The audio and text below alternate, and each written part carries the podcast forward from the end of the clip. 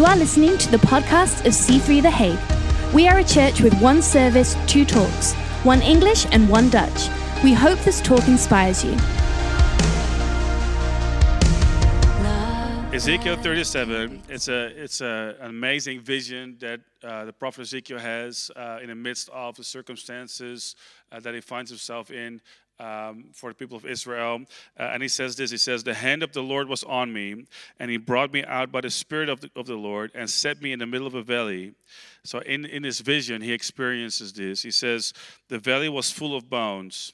And he led me back and forth. Say to the person next to you, he led me back and forth. I just think that would be um, that would be amazing. He led me back and forth among them, and I saw a great many bones on the floor of the valley, bones that were very dry. And he asked me, Son of man, can these bones live? And I said, Sovereign Lord, you alone know. Then he said to me, Prophesy to these bones and say to them, Dry bones, hear the word of the Lord. This is what the sovereign Lord says to these bones I will make breath to enter you, and I will come. Uh, uh, sorry, I will make breath enter you, and you will come to life.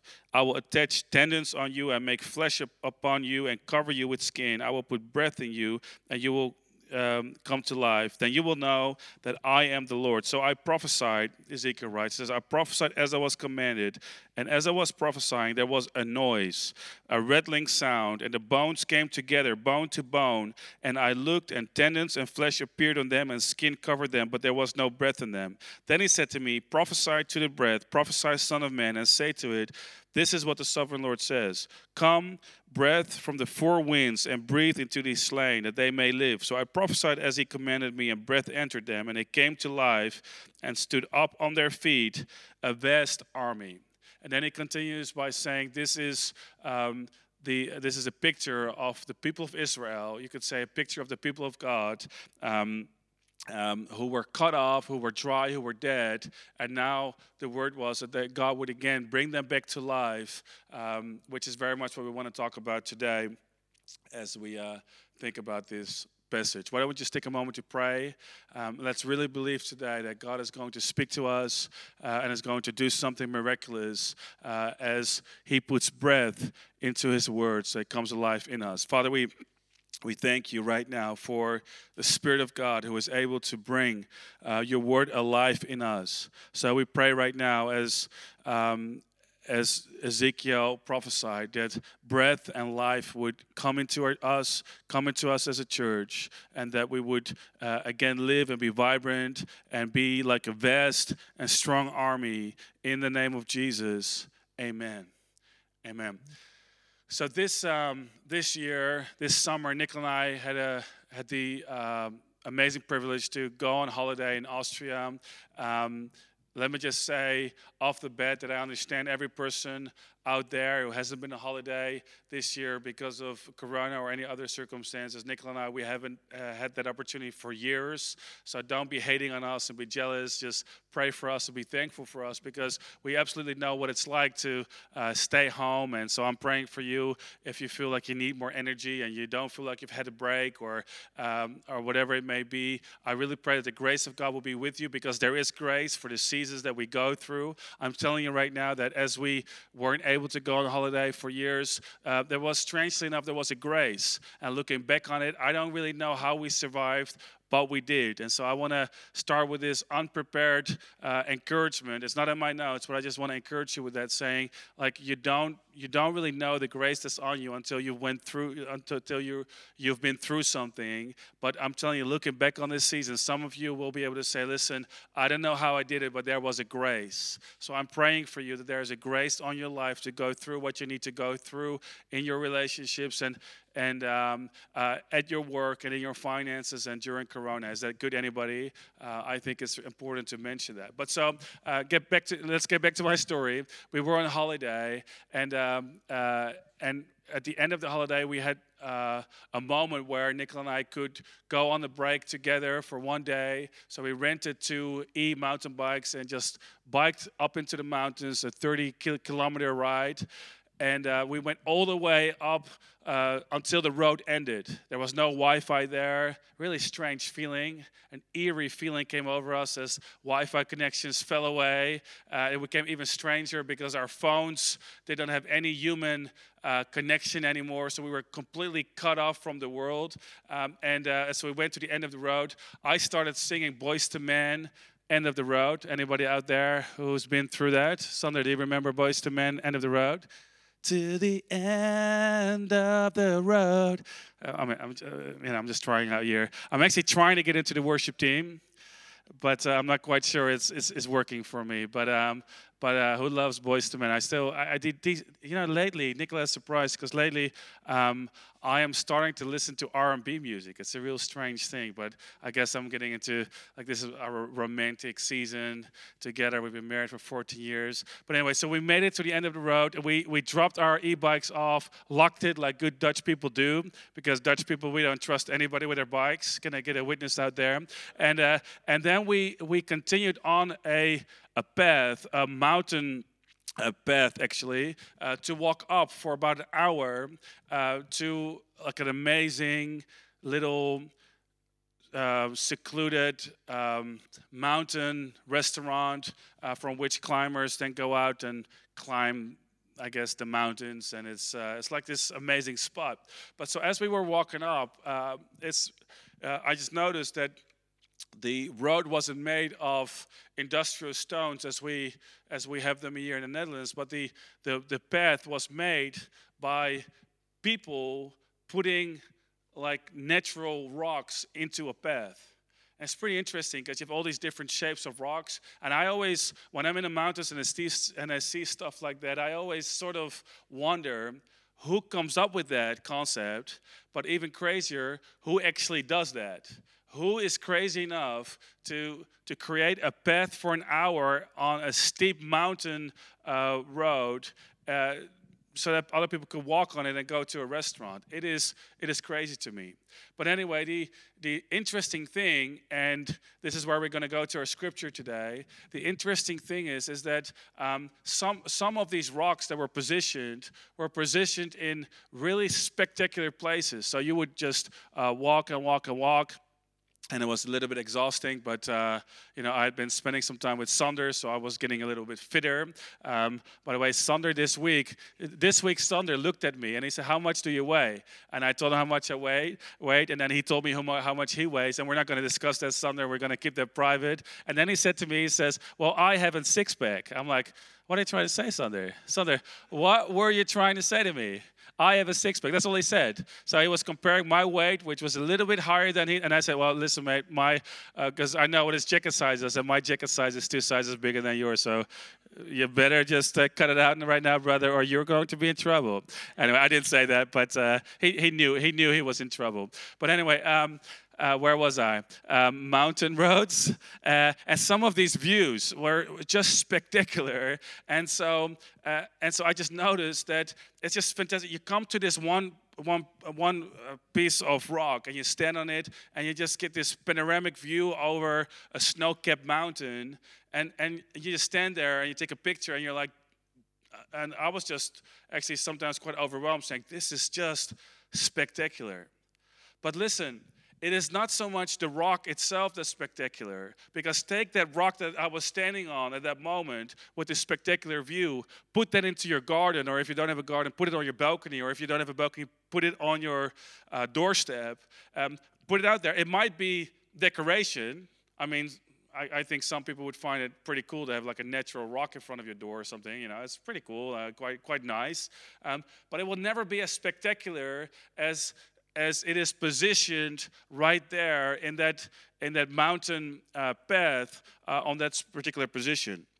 Now, what I want to say to you is, um, is that the position um, of that rock in relation to all the other rocks that were out there is what made, um, what made that rock spectacular. It is not so much that rock alone, but it was that relation that that relationship it had with all these other parts uh, uh, in, the, in the path. Um, and, and I want to bring that down to this scripture because what I see in this scripture is that the first problem that the prophet saw, the first problem that he saw when he saw the people of God, which is a, a picture of the church, when he saw the church, is not so much that the church was dead. I, I really want to focus that attention on that. The first problem he saw was not that the church was dead, the first problem was that the church wasn't together. I, I hope you're getting this right now because um, as he started to prophesy, it wasn't that life came into the it came into the body but it was that the body started coming together. He heard this rattling sound he heard this noise and through the, the noise was when all the loose bones were coming together.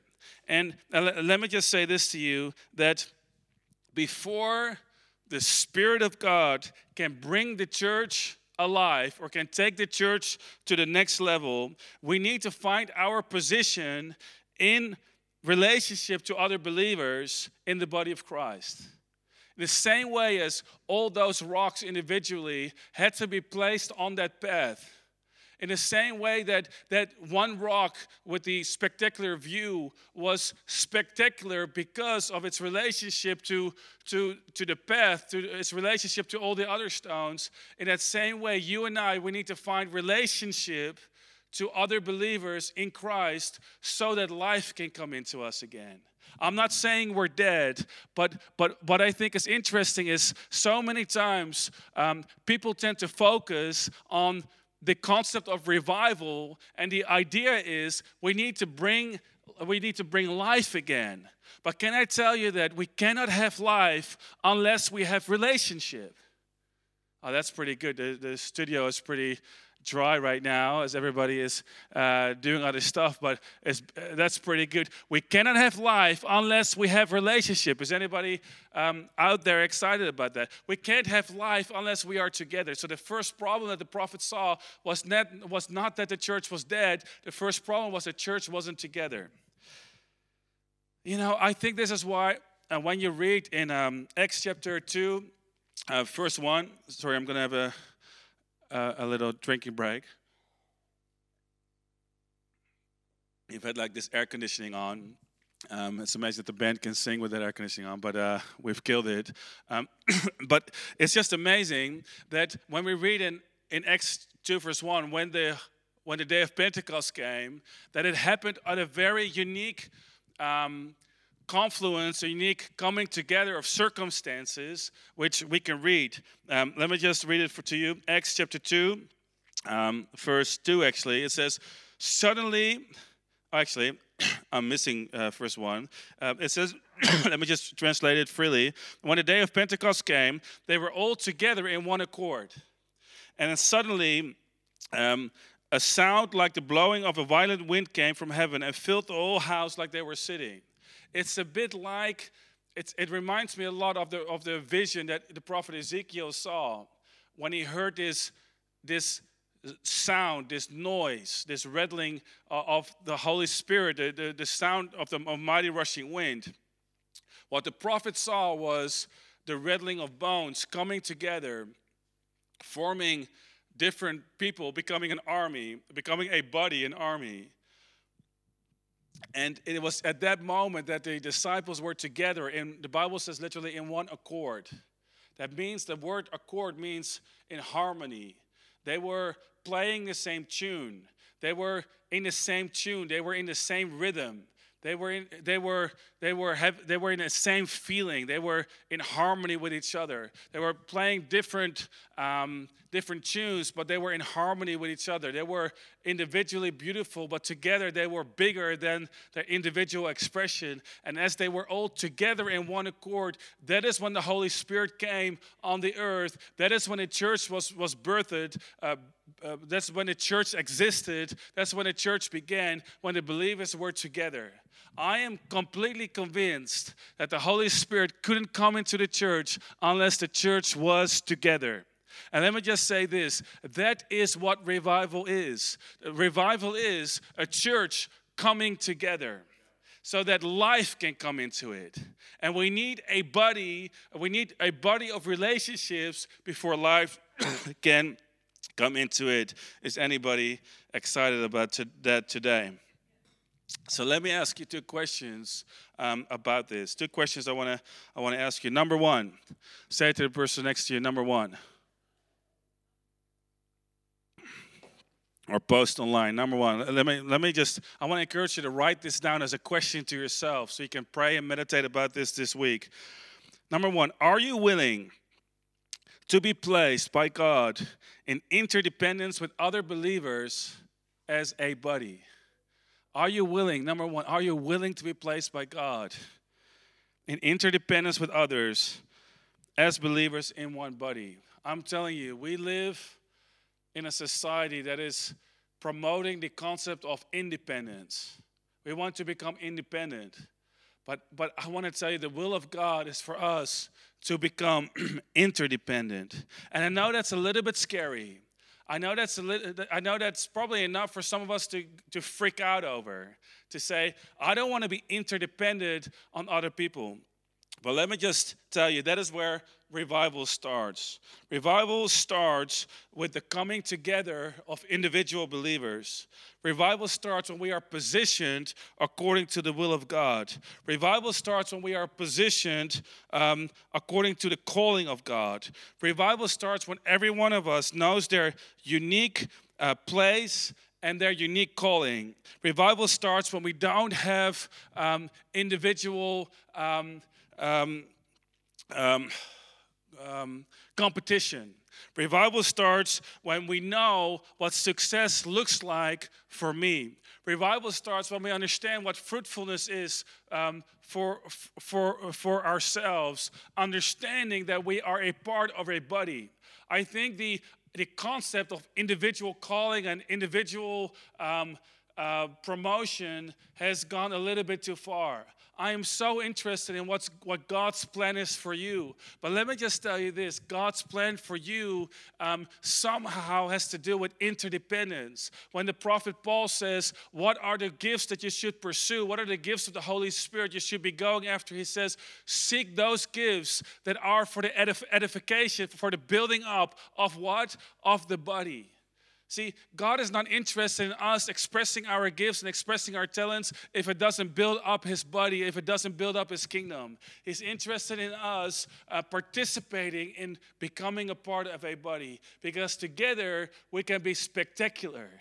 Together we can be a shining light in this world. Together we can be breathtaking and amazing. Only together we can be an expression of the body of Christ on this earth.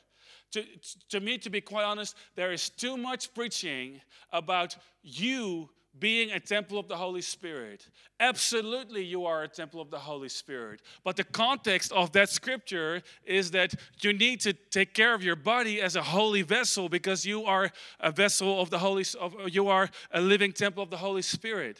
But what Ephesians teaches us, and we spoke about this in the beginning of this series, um, what it teaches us is that Ephesians 2 together we are being built together as a dwelling place for the Holy Spirit to live in.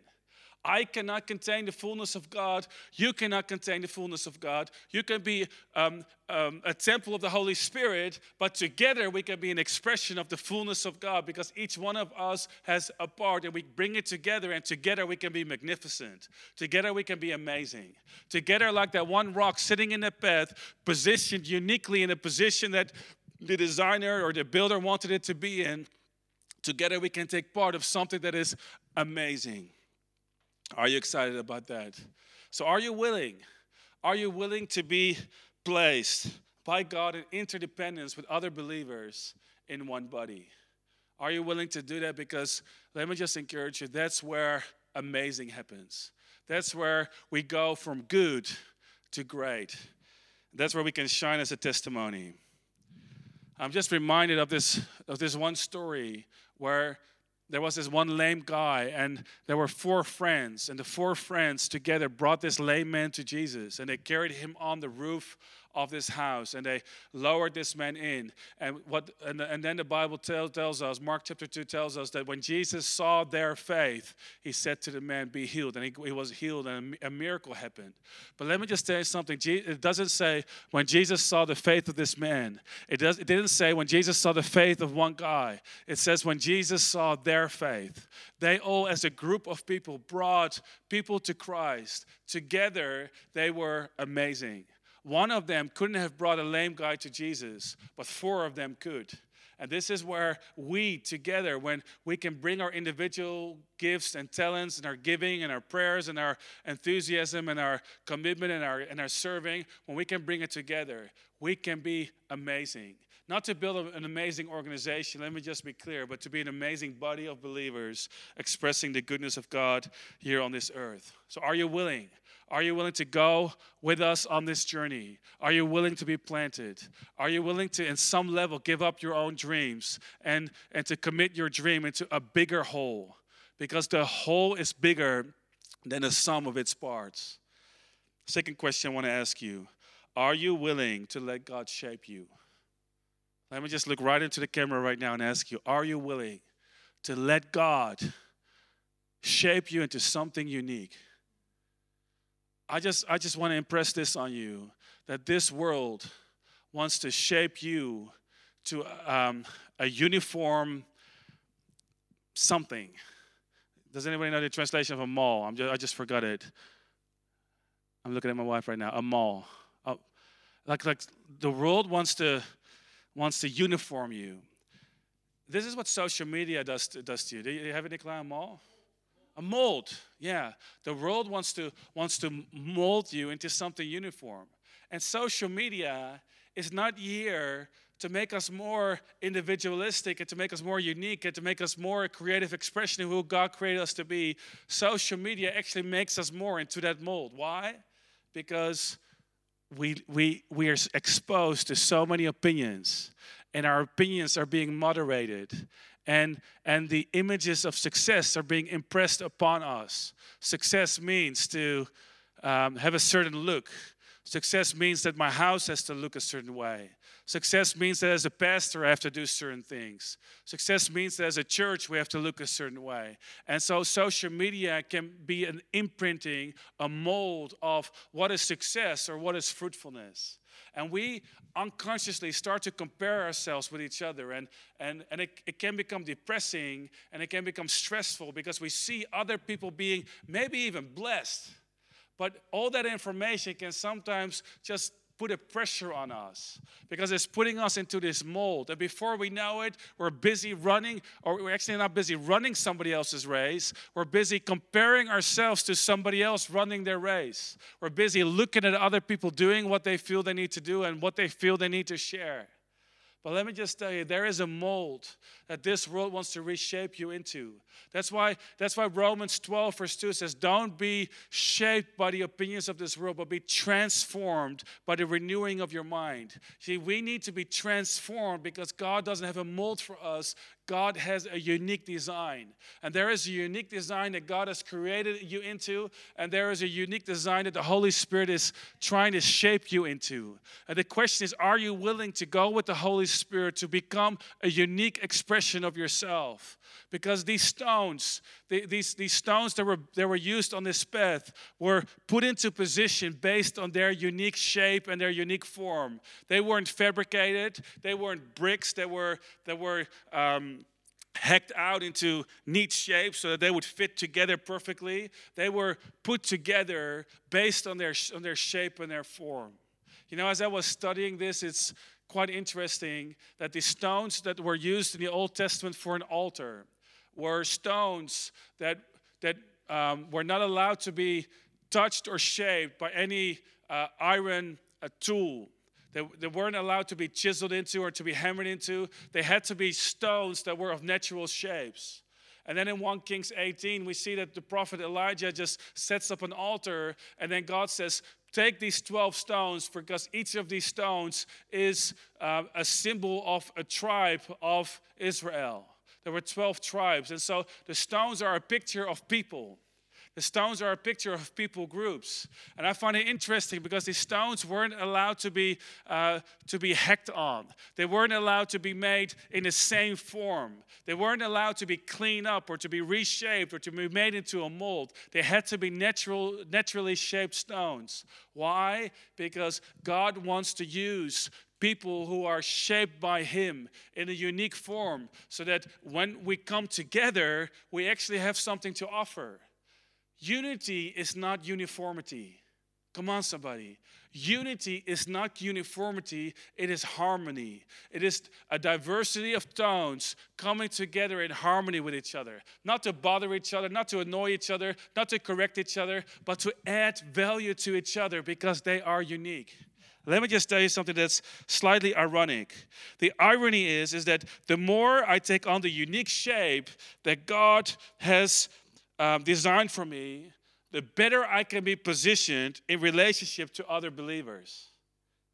But the less I take the unique shape that God has formed for me, um, or let me just say this way the more I let myself be reshaped by this world, the less I can be positioned in relationship with other believers. It's really interesting to me because there is something to, to this path, this path this mountain path that I was walking on, that Nicola and I were walking on, that was shaped by natural stones. Um, because every unique stone was a part of a bigger whole. Maybe the bank can come up. We're going to finish on one scripture. And I don't think the, the path would have been beautiful. I don't think the path would have even worked in a natural mountain if it would have been normal bricks. And the Bible says that you and I are called to be living stones in the temple in the house of God. Now, the comparison ends somewhere because uh, stones in the temple were actually not natural stones, they were shaped. So we have to stop the comparison at some level. But let me just tell you that God is calling you to be a living stone. And God is calling you to, to relationship with, with, with other believers. God is not calling you to independence. God is calling you to interdependence. And sometimes it takes greater faith to be interdependent than to be dependent. Because it means you have to pray not only for your own problems, it means you have to pray for somebody else's problems. It means that you have to pray not only for your own patience, but it means that you might have to pray for somebody else's patience. It means that you're not only experiencing the consequences of your own uh, success and failure, you're experiencing the consequences of other people's success and failures. But we are called to be together, and together we can be amazing. Who of you is excited about that? Let me just read this one scripture as we end this talk. Um, that I don't know how long we've been going, but we're going to end it anyway. In 1 Peter, Peter writes, he says, And come to Jesus, come to him as the living stone, rejected by humans. I love that. Re- Jesus was rejected by humans, but chosen by God. Let me, let me tell you something. Let's let's be like Jesus. Let's come to Him as a living stone. First of all, He says, let's come to Him as a living stone because when we come to Him, the living stone, He can give us life. Let's not be too worried about the rejection or acceptance of this society. Let's not be too worried about the acceptance on social media and the likes that we get. Jesus, do you understand? Jesus was rejected by people, but accepted by God. Then he says, rejected by humans and chosen by God and precious to Him. You also, like living stones, are being built into a spiritual house, to a holy priesthood, offering spiritual sacrifices acceptable to God through Jesus Christ. You see, for us to be living stones, built together as a dwelling place of God, we first have to come to the living stone. Because when we come to the living stone, we get life. You cannot get life from being in church. You cannot receive life from being in religion. You can't even you cannot receive life from being in a Christian family. You can only receive life from coming to the living stone. Jesus Christ, rejected by man, but accepted by God and precious in the sight of God. I wonder as I'm saying that how many things that people reject are precious in the sight of God. How many things in your life that people might reject, that you might reject, are precious in the sight of God. How, how much is the character of servanthood that we don't value in our society but precious in the sight of God? How much is your giving that maybe in our society isn't valued precious in the sight of God? How much is your worship that costs you something precious in the sight of God? How much is you putting yourself lower than somebody else? Not accepted by people, but rejected by people. But how much is that precious in the sight of God? I want to ask you come to God, give your worries to Him. Stop trying to be accepted by people. Be willing to be shaped into the unique form that God has called you. Thank you for listening to this podcast. If you want to know more about what's going on at C3 The Hague, please follow us on Instagram. We'd love to see you on Sunday.